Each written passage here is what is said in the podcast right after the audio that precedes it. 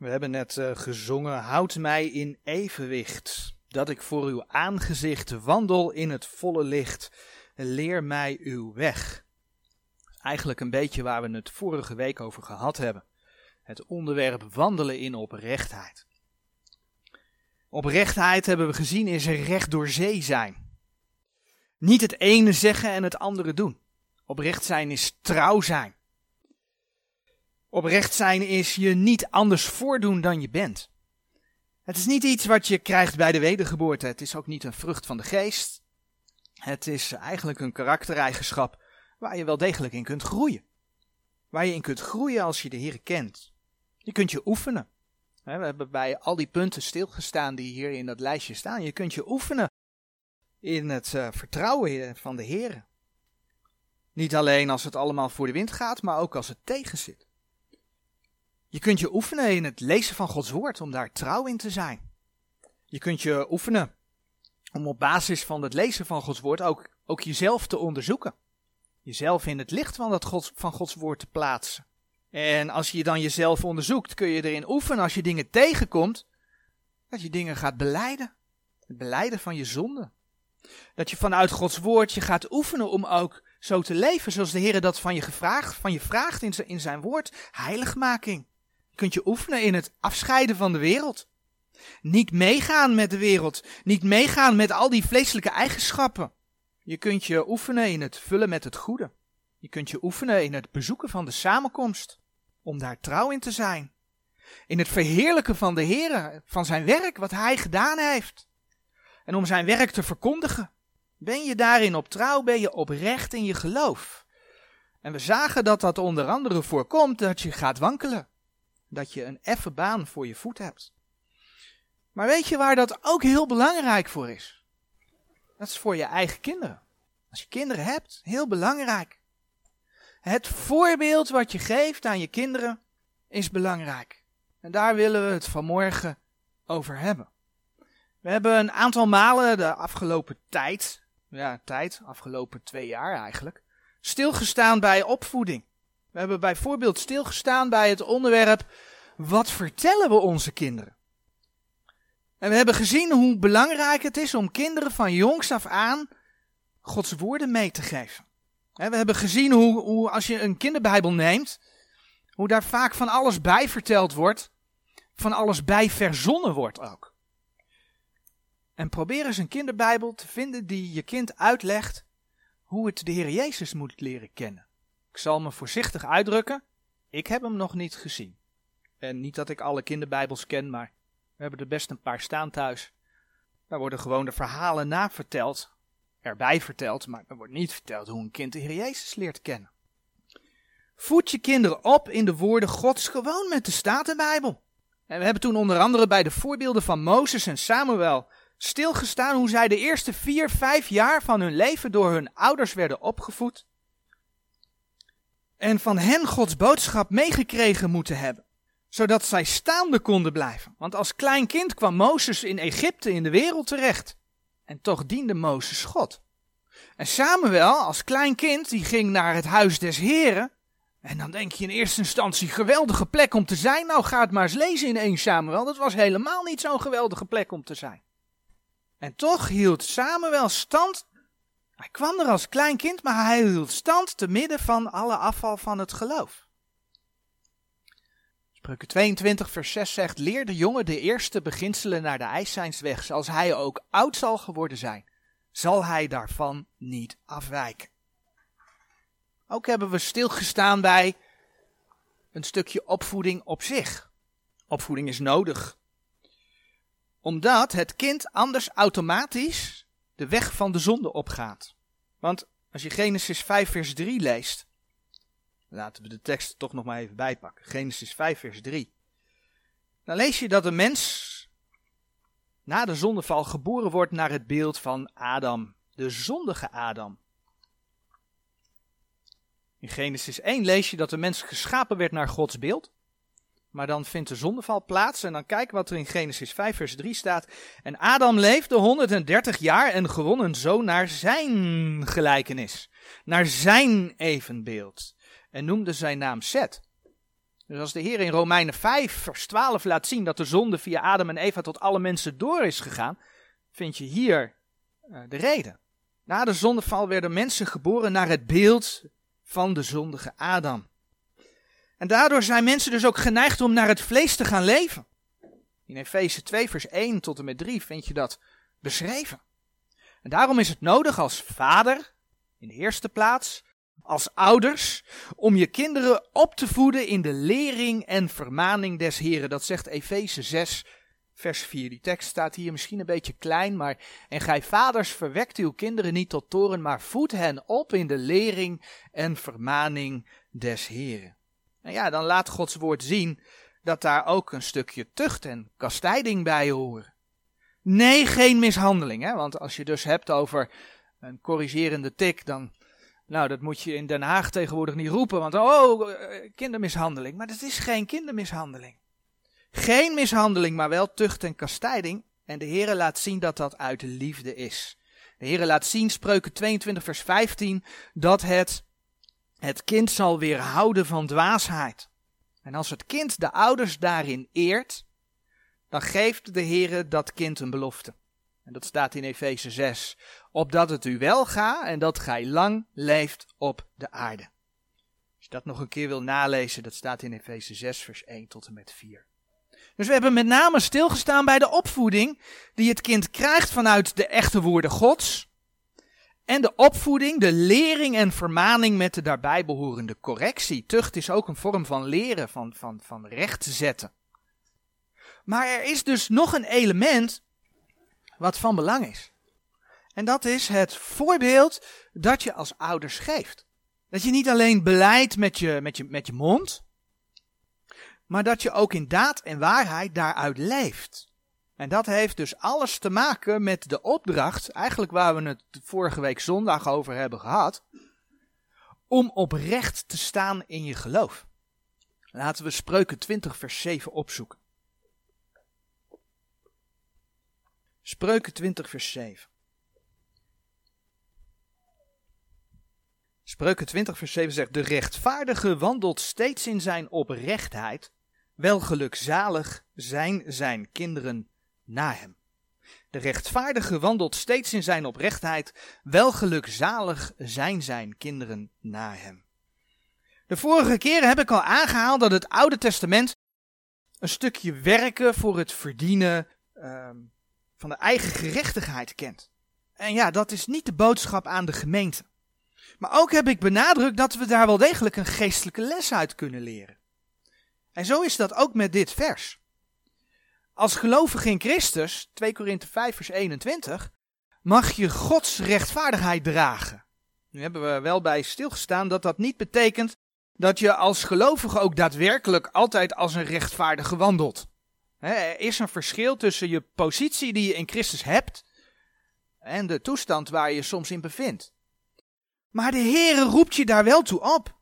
En dan is er in dit vers, spreuken 20 vers 7, nog dat verschil tussen de rechtvaardigheid en de oprechtheid.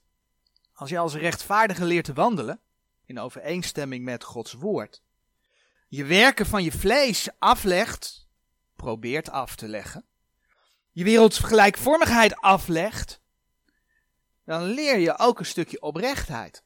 Dus dan leer je, dan groei je in je wandel in oprechtheid. En dat lees je in dit vers, dat dat tot een zegen van je kinderen is. Dat is tot welgelukzaligheid van je kinderen. Wanneer we het hebben over wandelen in oprechtheid ten opzichte van je kinderen, dan hebben we het dus niet over leren. Dan hebben we het niet over tucht. Maar dan hebben we het eigenlijk over, als je het over je kinderen, over jezelf. Zelf daadwerkelijk wandelen in alle eerlijkheid, in overeenstemming met Gods woord. Dan hebben we het dus over het zijn van een voorbeeld. Dus op een andere manier gezegd, als je leeft als het goede voorbeeld voor je kinderen, dan is dat tot wel gelukzaligheid, dan is dat tot zegen voor je kinderen. En we weten allemaal wel dat kinderen leren van het voorbeeld van hun ouders. Als een kind geboren wordt, dan kan het, nou ja, praktisch niets. Het kan ademen, het kan slapen, het kan drinken, het kan huilen. Maar dan houdt het ook wel een beetje op. Zelfs lachen doet het pas na een tijdje. Maar het kind ziet heel veel van de ouders en gaat dat nadoen. En zo leert het eten, het leert zitten, het leert staan, het leert lopen, het leert praten. Het bouwt kennis op over de dingen die het ziet, de associaties hè, die, die het ermee krijgt. En ja, dan komt hij. Uiteindelijk leert het kind natuurlijk ook weer een heleboel van, van anderen op een gegeven moment. Het krijgt op een gegeven moment voorbeelden van familie. Vriendjes, vriendinnetjes. Het krijgt voorbeelden op school. Later, als het wat groter wordt, op het werk. Maar omdat deze wereld in het boze ligt, en ik, ik heb de tekst hier op de dia staan, gelaten 1 vers 4. Omdat deze wereld in het boze ligt, waar de Heer de mensen uit wil trekken die zichzelf gegeven heeft voor onze zonde. Opdat Hij ons trekken zou uit deze tegenwoordige boze wereld omdat kinderen van de moederschoot aan in zonde ontvangen worden, Psalm 51 vers 7, staat ook op de dia, zie ik ben in ongerechtigheid geboren en in zonde heeft mij mijn moeder ontvangen. Moet je niet verwachten dat die wereld om jou heen jouw kind gaat vertellen wie Jezus Christus is en hoe het behouden wordt. Je moet niet verwachten dat, dat die wereld om je heen jouw kind gaat vertellen wat het geloof in Gods woord inhoudt. En sterker nog, de wereld ligt in het boze. Die wereld gaat proberen jouw kind daarvan af te houden. Ik denk dat de huidige tijd, als je ziet wat er via regeringen op scholen geïnjecteerd wordt, dat duidelijk is dat deze wereld bezig is om kinderen zo ver mogelijk bij, bij de schrift weg te houden. De wereld, en daar zit een, een, een geestelijke wereld achter, die zal je kind proberen mee te nemen in de wellusten en de zonden, zodat ze nooit over God zullen nadenken. Toen we het over de brede en de smalle weg hadden, toen heb ik onder andere Jezaja 5, en die tekst gaan we nog een keer lezen. Jezaja 5 vers 11 en 12 aangehaald. Wee degene die zich vroeg opmakende in de morgenstond sterke drank najagen en vertoeven tot in de schemering, totdat de wijn hen heeft verhit, en harpen en luiten, trommels en pijpen en wijn zijn in hun maaltijden. Maar zij aanschouwen het werk des Heren niet, en zij zien niet op het maaksel zijner handen. Mensen worden bezig gehouden in de wellust, vermaak. Ja, en dat die vermaak in deze tijd dan ook nog eens een keer zondig, letterlijk gewoon zondig vermaak is. Mensen worden van God afgeleid. En het liefst zo jong mogelijk. Dus wil je je kind iets meegeven? Wil je dat je kind ook de Heere zal gaan leren kennen, dan zul je het je kind zelf moeten vertellen, maar ook zelf moeten voorleven. Je kind kijkt namelijk naar je. En in het begin de hele dag. Ja. En je kind leert van je. Dus je kan nog zoveel weten van de schrift. Maar als je het in het dagelijks leven ja, blijft roddelen, liegt en bedriegt, je anders voordoet dan je bent, niet trouw bent, niet trouw bent aan je echtgenoot, hoereert, wereldse muziek luistert, maakt allemaal niet uit, of noem maar op, dan leert je kind die vleeselijke dingen van jou. En zal het nooit het verschil zien met de wereld. En je voedt hem eigenlijk zelf op om die wereld in te gaan. Dat zie je op christelijke scholen gebeuren. Ze noemen zich christelijk. Ze willen zich beroepen op de Bijbel. Ondertussen gaan ze met alles van de wereld mee. En dan staan ze er ook nog van te kijken. Ik, ik herinner me de toespraak van een meneer die het hoofd van een afdeling was op een gereformeerde school waar een van onze dochters naartoe gaat. En die zei, en ja, dan verliezen ze soms in de loop van hun opleiding het geloof. Ik heb ondertussen gezien wat er over de groepsapp heen gaat, dus je vraagt je af, ik bedoel, kinderen worden door de doop uh, aangenomen dat het kinderen van God zijn. Leren dus niet dat ze zelf een beslissing moeten nemen. Dus eigenlijk krijg je wereldse kinderen op een christelijke school, waardoor je ook de inhoud van die groepsapp krijgt. En dan leren ze ook nog de wereldse dingen. Dus ja, wat is afvallen van het geloof? Maar goed, ze laten de kerk los, want ze zien dat het hypocriet is. Want dat is het. We beroepen ons op de Bijbel en ondertussen doen we waar we zelf zin in hebben. Dus als je er zelf in meegaat in jouw opvoeding, dan, dan leer je je kind die vleeselijke dingen. Weet het, het kind weet het verschil niet met de wereld, zal de wereld zelf ingaan. Dat zie je dus op die scholen gebeuren. En natuurlijk is de uiterste consequentie nog veel groter. En dat is dat het kind feilloos eruit haalt. Of jij alleen maar praatjes staat te verkondigen. Of dat je er daadwerkelijk uit leeft. Dat die boodschap voor jou echt leeft. En als het dat eerste is, dat het alleen maar praatjes zijn, dan is er dus niet zichtbaar daarvan dat die boodschap leeft. Ja, heeft het kind dan een reden om de Heer aan te nemen? Sterker nog, er kan aversie ontstaan. Mensen die het er altijd over hebben, hè, de praatjes, maar zelf er naar leven, nou, dat is een veelgehoorde klacht. Ik denk ook terecht in deze tijd als je om je heen kijkt. Daarom is dat oprechte voorbeeld zo van belang. Tot wel gelukzaligheid van je kinderen, tot, tot zegen van je kinderen. Laten we naar een Bijbels voorbeeld kijken. En we gaan het dan hebben over koning Jozefat. En dan bladeren we naar 2 Kronieken 17. Koning Jozefat was een goede koning. Een koning die de Heere diende. In 2 Kronieken 17, vers 3 eh, en 4, lezen we het volgende over deze koning. 2 Kronieken 17, vers 3. En de Heere was met Jozefat, want hij wandelde in de vorige wegen van zijn vader David en zocht de Baals niet. Maar hij zocht de, de God zijns vaders en wandelde in zijn geboden en niet naar het doen van Israël. Jozefat kwam aan de macht toen in het tienstammenrijk Israël Agab aan de macht was, Agab koning was. Nou, en koning Agab, ik denk dat we die allemaal wel kennen, die wilde helemaal niets van de heren uh, weten. Um, hou de hand bij twee kronieken, want daar komen we zo terug. En dan zoeken we op in de 1 Koningen 16, vers 30 en 31. Daar lezen we over deze koning Agab het volgende. 1 Koningen 16, vers 30. En Agab, de zoon van Omri, deed wat kwaad was in de ogen des Heren, meer dan alle die voor hem geweest waren. En het geschiedde, was het een lichte zaak dat hij wandelde in de zonde van Jerobiam, de zoon van Nebat, dat hij nog ter vrouw nam Izebel, de dochter van Edbaal, de koning der Sidoniërs, en heen ging en diende, diende de Baal en boog zich voor hem. Dat is koning Agab. En ik denk dat we de geschiedenissen van Elia, Agab en Izebel, van uh, de priesters van Baal op de berg Karmel en de wijngaard van Nabot wel kennen. In die tijd kwam dus in Juda koning Jozefat aan de macht. En onder hem vond er een heuse reformatie plaats. Hij nam de hoogte van de afgodenverering weg. Dat lees je onder andere in 2 Kronieken 17 vers 6. En er werd geleerd uit het wetboek des Heren. Dat lees je in 2 Kronieken 17 vers 9. Een goede koning. Maar was deze koning oprecht in al zijn wegen? Ik bedoel, de Heere vraagt bijvoorbeeld afscheiding. Daar hebben we vorige week onder andere bij stilgestaan. De Heere vraagt je niet te vermengen met ongeloof, niet te vermengen met afgoderij. Dat deed hij in het Oude Testament voor het volk Israël.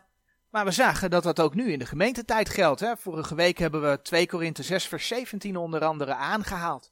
Daarom gaat uit het midden van hen en scheid u af, zegt de Heer. Vermeng je niet met de wereld, vermeng je niet met afgoderij, met ongeloof. Nou, kijk dan eens wat, wat um, Jozefat deed in 2 Kronieken 18 vers 1. Jozefat nu had rijkdom en eer in overvloed en hij verzwagerde zich aan Agab. Hij verzwagerde zich aan Agab. Hoe deed hij dat? Nou, hij gaf zijn zoon Joram ten huwelijk aan Atalia, de dochter van Agab.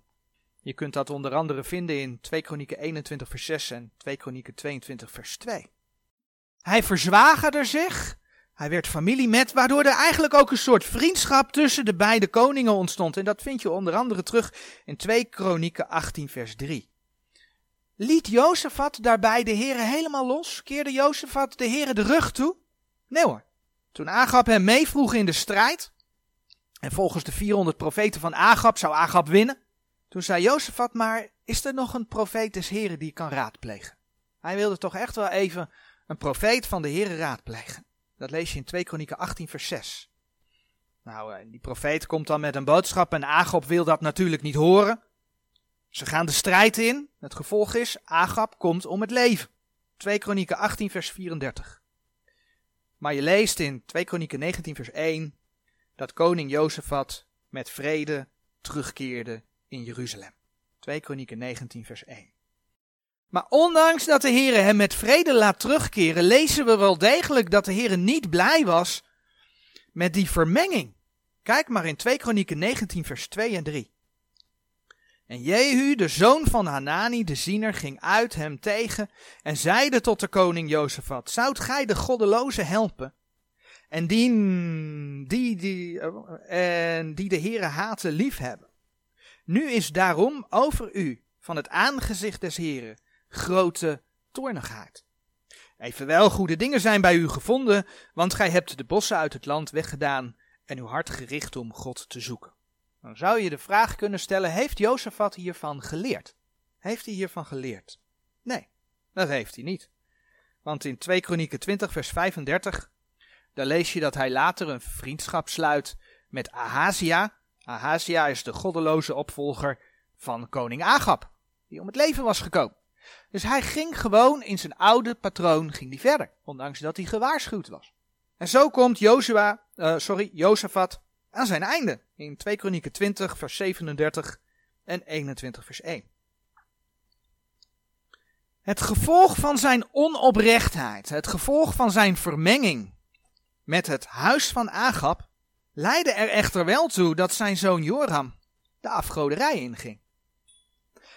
Hij wandelde, staat er geschreven, in de weg der koningen van Israël. In 2 Kronieken 21 vers 4 tot en met 6 lezen we over Joram.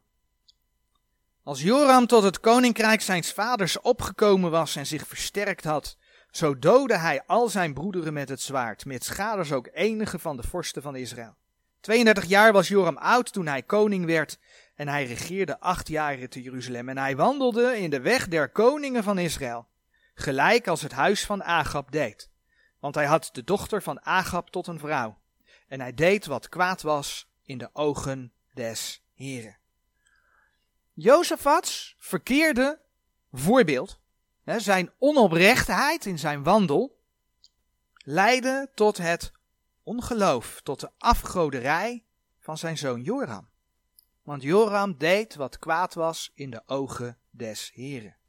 laat deze geschiedenis een waarschuwing zijn, ja, een waarschuwing zijn voor het voorbeeld dat je geeft aan je kinderen. Zoals eerder genoemd, hebben we wel eens stilgestaan bij het voorbeeld van Samuel. Samuel die door de lering van zijn moeder de Heere gekend moet hebben en de Heere ook is blijven volgen. Ondanks dat hij al heel jong terecht kwam in het huis des Heren, wat een wereld vol van afval van geloof was. Als we naar 1 Samuel bladeren, ik ga dat gedeelte niet helemaal lezen. Maar dan lees je bijvoorbeeld uh, in 1 Samuel 2, vers 12 tot en met 17 en, vers 22. Ja, dat de, de priesters maar wat deden. De priesters die leefden er maar op los. En de hoge priester Eli, die deed er helemaal niets aan. In 1 Samuel uh, 3, vers 13, daar lees je wat de Heer tegen Samuel over Eli zei. 1 Samuel 3, vers 13. Want ik heb hem te kennen gegeven dat ik zijn huis richten zal tot in eeuwigheid, om der ongerechtigheid wil die hij geweten heeft, want als zijn zonen zich hebben vervloekt gemaakt, zo heeft hij hen niet eens zuur aangezien. Hij heeft ze niet eens zuur aangezien. Ze konden gewoon hun gang gaan. Ja, je leest, iets ervoor lees je wel dat Samuel er op een gegeven moment iets van zegt, maar hij heeft ze niet eens zuur aangezien, zegt de Heer. In de trant van, uh, Jantje, zou je dat nou wel doen? Nee. Dit zegt het woord. Hier ben je mee bezig. Maar dat deed Eli niet. Hij heeft ze niet eens zuur aangezien. En toch staat er van Samuel geschreven in 1 Samuel 2 vers 26. En de jongeling Samuel nam toe en werd groot en aangenaam beide bij de heren en ook bij de mensen. Ondanks alles wat er om hem heen gebeurde, hield Samuel stand. Maar dan lees je vervolgens over de zonen van Samuel wel het volgende in 1 Samuel 8. 1 Samuel 8 vanaf vers 1. Het geschiedde nu toen Samuel oud geworden was, zo stelde hij zijn zonen tot rechters over Israël. De naam van zijn eerstgeboren zoon nu was Joël en de naam van zijn tweede was Abia. Zij waren rechters te Berseba. Doch zijn zonen wandelden niet in zijn wegen maar zij neigden zich tot de gierigheid en namen geschenken en bogen het recht. Ondanks dat Samuel zo dicht bij de Here leefde en daardoor het volk diende voor de Here, volgden Samuels zonen hem daarin niet. Nou, de Bijbel zegt daar verder niet heel veel over, maar maakt wel deze, deze mededeling. Nou, er kunnen twee redenen zijn waarom Samuels zonen niet in zijn wegen wandelden. Ondanks dat Samuel stand hield in het huis des Heren, kreeg hij daar als het om opvoeding ging een heel slecht voorbeeld van Eli. Eli keek ze niet eens zuur aan, hebben we net gelezen, als ze zondigden. Met andere woorden, Samuel heeft geen goed voorbeeld gehad van de opvoeding en zou daardoor zijn eigen zonen niet goed hebben kunnen opvoeden. Dat is één verklaring die je bijbels kunt staven. Maar anderzijds, in tegenstelling tot Eli, zien we dat Samuel mensen wel degelijk terecht wees. Eli kon zijn zonen niet aan, laat staan het volk.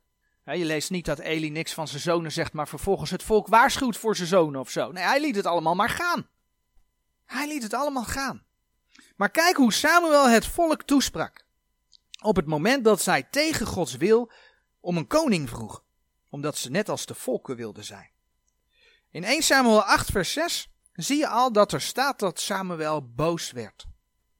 En vervolgens, hij wordt boos, vraagt hij de Heere om raad. En toen, toen hij de Heere om raad gevraagd had, gaf Samuel de woorden van de Heere aan het volk door om ze te waarschuwen. Zo lezen we dat hij in 1 Samuel 8 vers 18 tegen het volk zegt, Gij zult wel te dien dagen roepen vanwege uw koning die gij u zult verkoeren hebben. Maar de Heere zal u te dien dagen niet verhoren. Hij waarschuwt het volk, Samuel. En toen de koning uitgeroepen werd, dan bladeren we naar 1 Samuel 10. Toen de koning uitgeroepen werd, toen wond hij er ook geen doekjes om. Kijk maar in vers 19. 1 Samuel 10 vers 19. Maar gij lieden hebt heden uw God verworpen, die u uit al uw ellende en uw noden verlost heeft. En hebt tot hem gezegd, zet een koning over ons. Nu dan, stel u voor het aangezicht des Heren naar uw stammen en naar uw duizenden. Dus Samuel geeft heel duidelijk aan het, volk aan, met de keuze die jullie maken, hebben jullie God verworpen. Hij wint er geen doekjes om. Samuel is duidelijk. En ik geloof op grond daarvan dat Samuel ook duidelijk geweest zal zijn tegenover zijn zonen. Dus de tweede reden dat zijn zonen niet volgden, is, is eigenlijk een hele simpele reden. Die zonen wilden niet. Want dat is ook een optie. Want ieder mens heeft een vrije keus. Dus ook de zonen van. Uh, van, ja, van Samuel. Als we in spreuken uh, kijken. Spreuken 10 vers 1. Spreuken 10 vers 1. De spreuken van Salomo. Een wijs zoon verblijdt de vader, maar een zot zoon is zijner moeder droefheid. En blader naar spreuken 13 vers 1. zijn meer voorbeelden hoor, maar spreuken 13 vers 1. Een wijze zoon hoort de tucht des vaders. Dus een wijszoon zal er naar luisteren als hij terecht gewezen wordt. Maar een spotter hoort de bestraffing niet. We zien dat de Heer spreekt over wijze zonen, maar ook over zotte zonen, soms ook dwaas genoemd. Kinderen die niet willen luisteren, ja, die zijn er ook. En als je als ouder de waarheid verteld hebt en voorgeleefd hebt, dan is het niet jouw schuld als de kinderen anders kiezen. Het opvoeden in de Heer, het een goed voorbeeld geven, het in oprechtheid wandelen is namelijk geen garantie dat je kinderen daadwerkelijk de Heere gaan dienen. Want het volgen van de Heere is en blijft een vrije keus. Je kinderen zullen zelf moeten kiezen. Maar als je niet opvoedt in de lering en vermaning des Heeren, als je ze niet dat oprechte voorbeeld geeft, voorleeft, dan weet je zeker dat je kinderen in de wereld terechtkomen. En dan is de kans groot dat ze nooit over de Heer willen nadenken. Daarom is het zo belangrijk om ze de boodschap van Gods woord wel voor te houden en om het in oprechtheid ook voor te leven. Want de Heere verbindt daar zijn zegen aan. Als je kinderen dan kiezen voor de wandel met de Heere, zullen ze daarvan niet afwijken. Zoals Spreuken 22 vers 6 zegt. Of zoals Spreuken 20 vers 7 zegt. Ik lees de tekst nog een keer voor. De rechtvaardige wandelt steeds in zijn oprechtheid. Welgelukzalig zijn zijn kinderen na hem. Dus jouw wandel, wandel in oprechtheid, is tot zegen voor je kinderen. En als ik dan terugkom bij de boodschap van vorige week, wandelen in oprechtheid. Laat je je kinderen zien dat je de Heere vertrouwt. Niet alleen als het goed gaat, maar ook als het tegenzit. Laat je je kinderen zien dat je Gods woord leest. Leer je Gods woord aan je kinderen. Laat je je kinderen zien dat je jezelf onderzoekt. Dat je durft toe te geven als je iets fout gedaan hebt. En indien nodig ook gewoon tegenover je kinderen. Want wees eerlijk dat je ook als ouder moet groeien. Als mens ben je niet volmaakt, ook een ouder niet. Bid je met je kinderen. Bid je met je kinderen en laat je zien dat je tegenover de Heere God vergeving vraagt op het moment dat er dingen verkeerd zijn gegaan. Laat je je kinderen zien dat je probeert om naar Gods woord te leven. En dat begint bij relaties. Ga je niet zomaar een samenlevingsvorm aan, maar trouw je daadwerkelijk zodat je kind kan zien dat de Heere God wil dat man en vrouw bij elkaar horen. Deze maatschappij laat het allemaal los. Het huwelijk dat moet losgelaten worden. De Bijbel is er duidelijk over. Leef je dat voor? Stel je je als vrouw onderdanig aan je man op en heb je als man je vrouw lief.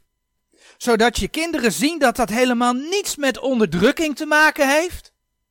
Wat de wereld altijd zegt, hè, die christenen, die zo vasthouden aan die Bijbel, vreselijk, onderdrukking en toe maar. Nee, dat heeft niks met onderdrukking te maken. Dat heeft te maken met zorg. God die een ordening geeft en die, die, die zorgt voor harmonie en zorg voor elkaar binnen het gezin. En daar heeft dat mee te maken. Leef je op die manier dat woord voor. Scheid je je af van de wereld en de wereldse lusten. Laat je als ouders zien dat je wereldse muziek niet meer luistert. Misschien kom je op een gegeven moment ergens wel achter dat je dat altijd gedaan hebt. Want zo gaat dat in het leven, hè? We komen op een gegeven moment ergens achter. Maar doe je dan van, ach weet je, laat maar. Of laat je zien van, nee, ik ben erachter gekomen dat dit niet goed is. Weg. Laat je zien dat je keuzes maakt. Geldt voor films, idem dito. Laat je zien van, nou, die kijk ik niet, want dat is, vindt de Heer niet fijn als ik daarnaar kijk. Laat je zien dat je je naar anderen niet anders voordoet. Ben je naar je kinderen en anderen niet dubbelhartig? Laat je zien dat je niet wilt roddelen over anderen. Laat je zien dat je doet wat je zegt.